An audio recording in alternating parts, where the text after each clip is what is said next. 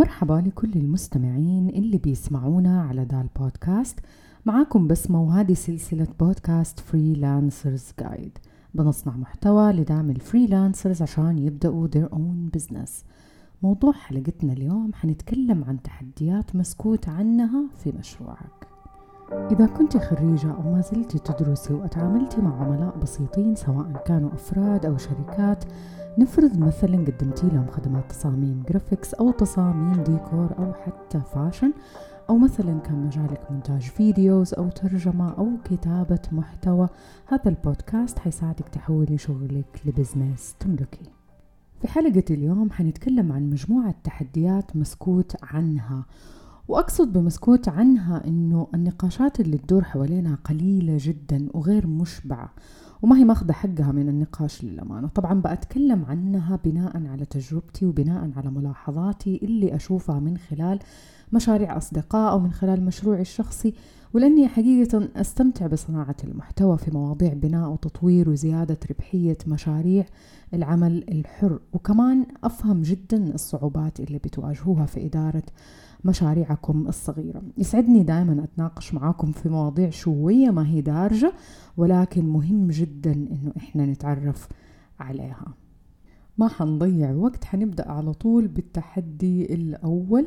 التحدي الأول والأكبر اللي بيواجه كل صاحب مشروع هو التحدي مع نفسك التحدي مع أفكارك. وأنا قلت قبل كذا إنه أغلب شغلنا حقيقة إحنا كأصحاب أعمال هو ينبع من أفكارنا من طريقة نظرتنا لمشاريعنا نظرتنا لعملائنا وتعاملنا معاهم نظرتنا لممكنات ومحددات مشاريعنا. الممكنات أقصد فيها الأهداف اللي أنت مؤمن أنه ممكن أو باستطاعتك أو باستطاعة مشروعك أنه يوصل لها. المحددات أقصد فيها السقف اللي أنت تؤمن أنه مشروعك مستحيل يتعدى. هل أنت تؤمن أنه مشروعك حيحصل على دخل سنوي بمليون بمليونين بأكثر بأقل؟ هل أنت مؤمن أنه عدد فريقك حيكون ثلاثين عشرة عشرين؟ هل أنت مؤمن أنه مشروعك ما حيدخل أكثر من مئة ألف مثلا؟ هذه إحنا بنسميها أو اللي أنا بأطلق عليها المحددات والممكنات. هي أشياء أنت كصاحب عمل حر في مشروعك تؤمن فيها. واللي تؤمن فيه راح يتحقق سواء كان دخل بسيط أو دخل كبير.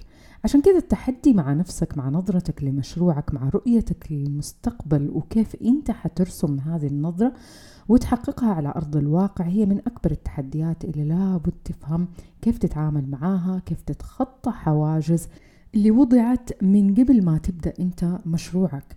إما كانت حواجز عن طريق منافسين فكرة إنه مستحيل نجاحك يتجاوز منافسين معينين أو فكرة إنه تجاوز معتقدات المجتمع عموما في النجاح وفي, وفي كيف إنه آه النجاح بيترجم في آه المشروع نفسه هل هو حيكون هل فعلا حتقدر المجتمع اقصد الناس اللي حوالينك هل فعلا إن أنت حتقدر تتجاوز هذه التحدي التوقعات سواء كانت هذه التوقعات إما عن طريق دخل معين زي ما قلنا أو عن طريق عدد موظفين آه، معين يحددك من ناحية المحددات والممكنات بالنسبة للمجتمع.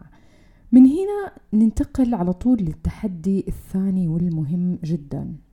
تحدي المجتمع والناس اللي حولك. ثقافتنا المجتمعية آه، في بناء المشاريع عموما ضعيفة. عشان كذا الناس بتشكك بمجرد تقولي لهم مثلا إنه أنا حبدأ مشروع تجاري الأغلبية يتعاملوا معاك كأنك جالسة تبداي تتعلمي هواية جديدة ما راح ياخذوا المشروع بجدية. هذا الشعور ممكن يكون معدي على فكرة ممكن يكون معدي لك أنت. ممكن فقط بتأثير الناس اللي حواليننا نتعامل مع مشاريعنا على إنها هواية وما ناخذها بجدية. متى ما حسيت إنه ما حتزبط خلاص أطلع من المشروع واقول إني فشلت. آه، ممكن أرجع أجرب وممكن ما أرجع أجرب لأنها كانت هواية. تحدي المجتمع لوحده ممكن يكون سبب كبير في إننا أصلا ما نبدأ مشاريعنا. ممكن يكون بسبب الخوف التردد الخوف من إنه الناس اللي حواليننا سواء أهل أو أصدقاء راح ينظروا لنا بشكل وطريقة مختلفة عن اللي إحنا تعودنا عليها. إيش ممكن يفكروا عننا؟ إيش حيكون رأيهم فينا؟ أنا عارفة إنه دائما نقول إنه رأي الناس ما هو مهم ودائما نقول طنش الناس ولكن اللي بقول إنه لازم ما نستهين بهذا الشيء. المجتمع اللي حوالينا تأثيره قوي مهما كان هذا التأثير. خصوصا إنه في رحلتك في بناء مشروعك راح تحتاجي ناس توقف معاكي وتساندك تشاركك أفكارك مخاوفك لصحتك الذهنية عموما لراحة بالك لأنه الرحلة ما هي أسهل شيء في الحياة وكمان ما هي مستحيلة وما هي صعبة جدا ولكن حاجتنا للدعم لا يمكن يختلف عليها اثنين. عشان كذا دائما أحيطي نفسك بالناس المجتهدة بأصحاب أعمال بأصحاب أعمال ومشاريع. عندهم نفس التطلعات نفس الطموح يواجهوا نفس التحديات فقط عشان راحتك وصحتك الذهنية. ننتقل الآن على طول للتحدي الثالث. التحدي الثالث اللي هو معايير النجاح. معايير النجاح أقصد فيها مين يحدد إذا مشروعك ناجح أو فاشل؟ إيش المعايير اللي تحدد فشله من نجاحه؟ في فكرة حابة أوضحها قبل ما أتكلم عن المعايير. المعيار الأساسي عموما واللي إحنا كلنا نعرفه كيف نحكم على مشروع إنه ناجح هو من خلال الأرباح وهذا الشيء بديهي طبعا. إذا تجاوزت أرباحنا تكاليفنا اللي صرفناها إذا مشروعنا ناجح. وممكن الأرباح هذه تجي خلال أشهر خلال سنة حسب حجم التكاليف وحجم المشروع نفسه. ولكن في حالات معينة ممكن نعطيها وقت أطول من المعدل الطبيعي للبريك إيفن آه، أو نقطة التعادل اللي إحنا متعارف عليها اللي هو إنه الأرباح بتساوي أو تتجاوز التكاليف. اللي حابة أقول لكم إياه إنه المعيار هذا نسبي. يعني إيش نسبي؟ يعني معيار بيتدخل في أشياء كثيرة غير الأرباح. بتتدخل في آه، الحكم عليه أشياء كثيرة جدا غير الأرباح. وممكن يكون هذا الشيء شخصي حسب آه، صاحب المشروع. اللي يحددوا معرفتك بممكنات فكرة مشروعك وإيمانك فيها. إيمانك القوي إنه منتجك أو خدمتك اللي راح تقدمها بتساعد الناس راح تغير من سلوك الناس لاستخدام نشاط معين بطريقة أفضل مثلا.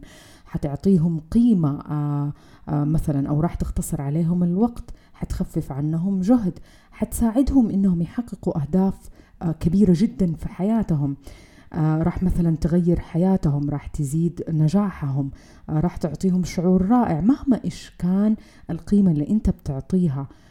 في مشروعك سواء كان وخصوصا لما تكون تغيير سلوك إيمانك القوي بالقيمة اللي أنت بتعطيها في مشروعك أحيانا يخلي هذا المعيار أو معيار النجاح اللي هو آه البريك إيفن أو الأرباح بتساوي أو تتجاوز التكاليف يصير ما هو جدا مهم لأنه إيمان صاحب المشروع بالفكرة أقوى من هذا المعيار. فكرة مشروعك إذا كانت قيمتها قوية والتغيير اللي راح ينتج عن هذا المشروع هو تغيير حقيقي وذا قيمة قوية جدا إذا معايير النجاح بالنسبة لك حتكون مختلفة. عشان أوضح الفكرة أكثر حأعطيكم مثال عليها. نتفليكس أخذت سنوات طويلة جدا عشان توصل للمرحلة اللي هي وصلت لها الآن. تتوقع الناس أول ما بدأت تسمع عن نتفليكس وطريقة الاشتراك عشان نتفرج على الأفلام. على طول عجبتها فكرة المشروع وراحت على طول اشتركت وصارت تشوف الأفلام آه عن طريق وتغيرت سلوكها وصارت تشوف الأفلام عن طريق الاشتراك. لازم إحنا يعني نفكر في الموضوع من البداية. الناس عشان يتغير سلوكها في إنه كيف يشوفوا الأفلام أخذ وقت طويل جدا لأنه الناس جلست فترة طويلة تشوف الأفلام على على التلفزيون أو على المواقع اللي هي المجانية لما دخل الإنترنت. ولكن قبل كذا خلينا نتكلم عن متى أتأسست أصلا في نتفليكس. متى تأسس المشروع؟ نتفليكس أتأسست عام 1997 وكانت عبارة عن startup صغيرة بتواجه أكبر شركة في العالم اللي هي كانت Blockbusters Blockbusters هي كانت الشركة اللي بتأجر اللي هي أشرطة الفيديو اللي بنشغلها على ال VCR القديمة اللي كانوا الناس بتستأجرها وتروح تشوف أفلام فيها. آه نتفليكس غيرت من سلوكنا في مشاهدة الأفلام. صرنا نشوف الأفلام عن طريق موقع باشتراك شهري. بدل ما ننتظر متى يجي الفيلم على التلفزيون أو نستأجر أشرطة ال VCR أو حتى نشوفها على المواقع المجانية بجودة رديئة طبعا. نتفليكس عشان تغير السلوك وتثبت لنا إنها هي الأفضل. أخذ منها سنوات وسنوات عشان تحقق النجاح اللي وصلت له الآن. التحدي كان كبير بس كان إيمانهم بالمشروع أكبر. وبإمكانكم تروحوا تشوفوا قصة Blockbusters وقصة Netflix وكيف إنه Netflix أخذت السوق على Blockbusters مع إنه Blockbusters كانت من الشركات العملاقة في آه، أمريكا. ننتقل لنقطة مهمة جدا في معايير النجاح اللي هي المعايير اللي موجودة في ال social media. الناس اللي تشارك أرباح كبيرة جدا وتحط جنبها آه، أشهر. أسابيع أيام وساعات كيف تربح عشرة آلاف في دقيقة في ساعة في نص دقيقة. هذه ال ال الأشياء أو هذا ال content هذا المحتوى اللي في ال social media مضلل جدا. والناس اللي بيحطوه أنا طبعا بأبالغ لما قلت هذه الأرقام ولكن هي موجودة عموما. وفي أرقام ممكن تكون بالنسبة لنا احتمال إحنا نقدر نحققها. لكن اللي أنا أبغى أقوله لكم إنه هذه الأرقام مضللة جدا. الناس اللي بيحطوها في حساباتهم غالبا بيبحثوا عن عدد إضافات عن تفاعل عن مشاركة عن التفاعل عن طريق ال social media. بالنسبة لي أنا أؤمن أنه هذا النوع من المحتوى هو مضلل جدا وغير صحي. وأبدا لا تقيسي معايير نجاح مشروعك على أساس معايير ال social media اللي بتشوفيه من واقعنا إنه إحنا حقيقة بنفتقر للمحتوى الواقعي اللي بيحكي حقيقة تحديات المشاريع على أرض الواقع الأشياء اللي بتصير على أرض الواقع المحتوى فيها جدا قليل. وعشان كذا لما إحنا نبدأ نقيس آه معايير النجاح حقتنا بالمعايير اللي موجودة في السوشيال ميديا حنظلم نفسنا وحنظلم مشاريعنا وحنروح على طول وحيجينا إحباط وحنقفل المشروع ونقول إنه إحنا ما نجحنا. ننتقل الآن للتحدي الرابع والأخير التوقعات في مقابل الواقع. أتخيل معايا أول مرة خطرت ببالك فكرة المشروع حقك؟ إيش تخيلت؟ أكيد تخيلت أرباح مستمرة أو أرباح متنامية عملاء راضين وسعيدين ومبسوطين. أتخيلت نفسك مليونير حياتك كلها مثالية مكتب أنيق موظفين وموظفات سائق سيارة ولما يكون مشروعك أونلاين مثلا لو كان مشروعك أونلاين بالكامل توقعاتك إنه مبيعاتك مستمرة وإنت نايم موقعك الإلكتروني وال systems كلها ممتازة فيه ما في مشاكل تقدر تسافر لأي مكان في العالم ما تحتاج مكتب ولا إيجار ولا ممكن ناس تداوم معاك موظفينك يقدروا ينجزوا أعمالهم وإنت بعيد عنهم. كل هذه الأشياء إحنا بنقدر بنتخيلها وبنتوقعها وإحنا جالسين نخطط للمشروع. هذه التوقعات والآمال راح تصطدم بشكل كبير بالواقع وبقوة كمان. لأنك راح تتفاجأ بالتحديات والصعوبات وبكمية القرارات اللي راح تضطر تتخذها. خليني أقول لكم على حاجة مهمة. في الوقت الطويل اللي إحنا راح نستغرقه عشان نبني مشاريعنا ممكن يجي رزقك في السنة الأولى ممكن يجي رزقك في السنة الثانية ممكن يجي رزقك في السنة الثالثة وهذا الشيء جدا متوقع. طيب السؤال إحنا ليش بنتوقع على طول إنه الأرباح حتجينا وإنه كل شيء حيصير تمام؟ بسبب إنه أغلبية الناس توقعاتها عن مشاريعها إنه المشروع عبارة عن منتج تسويق ويلا نبيع. فقط. وتتفاجأ إنه الموضوع مو بس كذا في بقية أركان مهمة جدا لابد نبنيها في المشروع. هذه الأركان أكيد راح تساعدك تنمو تتوسع يصير عندك مشروع بنيته قوية.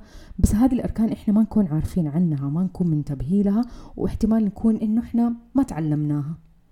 عشان كذا التحدي الكبير ما بين توقعاتك لمشروعك وما بين الواقع هو تحدي حقيقي جدا. ولو انت ما كنت متسامح مع نفسك مع أخطائك مع المشاكل مع القرارات الخاطئة حتى القرارات الصحيحة ممكن توقف مشروعك وتقرر إنه انت فشلت وما قدرت تكمل بسبب الضغوطات بسبب الإحباطات بسبب إنه توقعاتك كانت جدا مختلفة عن الواقع اللي انت جالس تعيشه يوميا في مشروعك. كل هذه التحديات اللي تكلمنا عنها في حلقة اليوم ممكن تكون قاتلة لمشروعك. والأهم إنه أغلبها تحديات ذهنية موجودة في أفكارنا في خيالنا مدعومة إما بثقافة المجتمع اللي حوالينا طبعا ثقافة سلبية أو بتوقعات غير واقعية بسبب ضعف ثقافة بضعف تعلم وإما بالمحتوى المضلل في مواقع التواصل الاجتماعي. أحب أذكركم مرة أخيرة بالتحديات اللي تكلمنا عنها. التحدي الأول كان تحدي الممكنات والمحددات. التحدي الثاني تحدي المجتمع. التحدي الثالث معايير النجاح. التحدي الرابع التوقعات في مقابل الواقع. وهذه رسالة تذكير إنه دورة كيف تبني مشروع عمل حر مربح الآن موجودة في الموقع الرسمي بإمكانكم التسجيل فيها. كل التفاصيل موجودة في أسفل وصف الحلقة.